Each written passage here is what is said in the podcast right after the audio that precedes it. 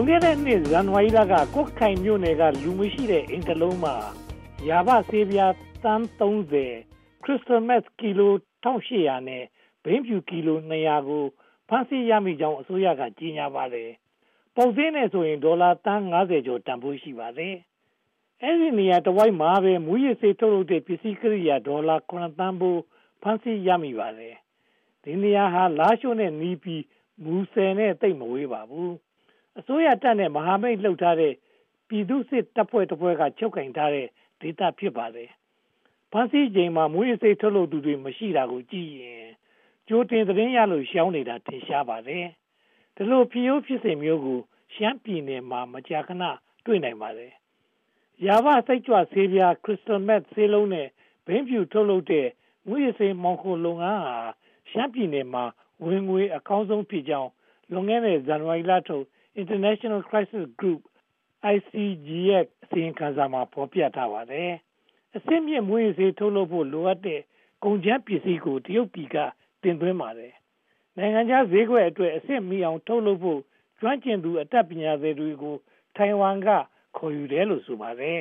။စစ်အစိုးရလက်ထက်ကတိုင်းရင်းသားလက်နက်ကိုင်တပ်ဖွဲ့အချို့ကို နေကြားစောက်တပ်ဖွဲ့အဖြစ်အသွင်ကူးပြောင်းလိုက်ပါတယ်။နေကြားစောက်တပ်ဖွဲ့မှာ အစိုးရတပ်ကအရာရှိနဲ့ စစ်သည်အချို့ပါဝင်ပြီး အစိုးရတပ်ရဲ့ ထိန်းချုပ်မှုအောက်မှာ ရှိတယ်ဆိုပေမဲ့အစိုးရတပ်ရဲ့ ထောက်ပံ့မှုကိုအ ਨੇ အကျဉ်းသာ ရကြပါတယ် ဒါပေမဲ့လက်တွေ့မှာတော့နေကြားစောက်တပ်ရဲ့ လှုပ်ရှားမှုမှာ အစိုးရတပ်က စစ်သည် မပါဝင်ကြပါဘူး။ဒါကြောင့်နေကြားစောက်တပ်တွေဟာ ပြည်သူ့စစ်တပ်ဖွဲ့လို သီးခြား လှုပ်ရှားကြပါတယ်။ရှမ်းပြည်နယ် အရှေ့ပိုင်းနဲ့ မြောက်ပိုင်းကနေကြားစောက်တပ်တွေဟာ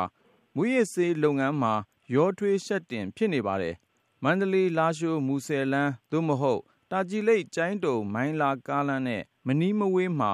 နေကြားစောက်သို့မဟုတ် ပြည်သူ့စစ်တပ်ဖွဲ့တွေ စခန်းချထားကြပါတယ်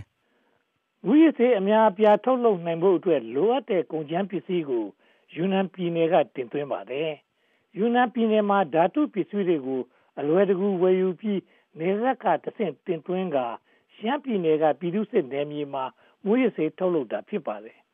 မူရစ်ဆေးထုတ်လုပ်တဲ့ဓာတုကုန်ကျန်းပစ္စည်းတွေနေဆက်မှာ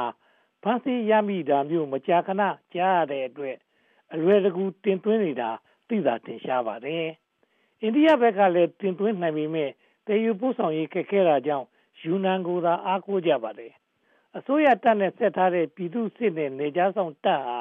ထင်သလိုလုံနိုင်တဲ့အခြေအနေမှာရှိနေပြီးအစိုးရတပ်ကသူတို့နဲ့မဆိုင်ဘူးလို့ညင်းဆိုတဲ့အနေအထားမှာရှိပါတယ်။ မူဆယ်ကိုကြော်တာနဲ့သွားကျင်ရသွားနိုင်ပါတယ်။ရပါခေါ်စိတ်ကြွစေးကိုပြည်တွင်းစားသုံးဖို့နဲ့အိန္ဒိယနိုင်ငံတွေကိုတင်ပို့ဖို့ထုတ်လုပ်တာဖြစ်ပါတယ်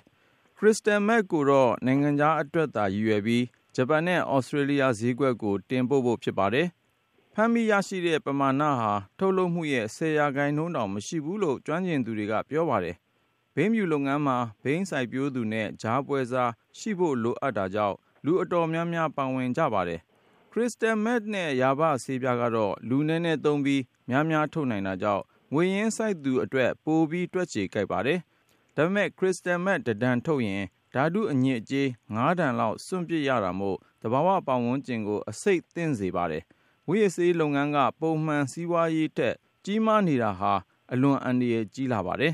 ။တရုတ်အားကိုးတဲ့ဘကပ ကွန်မြူနတီ1989မှာ အရေးနှိမ်သွားချိန်ကစပြီး ရှမ်းပြည်နယ်ရဲ့ စီးပွားရေးဟာ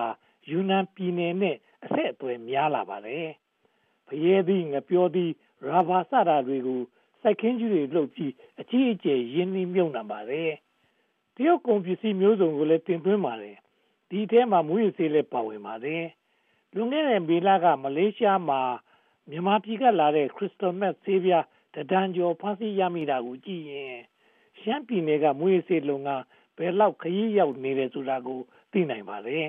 ။ပြည်သူစစ်နဲ့နေကြောင်းဆောင်တက်ကြီးစိုးတဲ့နေရာဒေသတွေမှာမူရစေးကိုစိတ်ချလက်ချထုတ်လုပ်နိုင်တာကြောင့်ရှမ်းပြည်နယ်ဟာ crystal meth အများဆုံးထုတ်လို့ရဌာနတစ်ခုဖြစ်လာပါတယ်။ငွေစေးကရရှိတဲ့ငွေဟာပုံမှန်စီးပွားရေးကဏ္ဍတဲ့အစာပေါင်းများစွာကြီးမားနေတာကြောင့်ရှမ်းပြည်ရဲ့စီးပွားရေးဟာ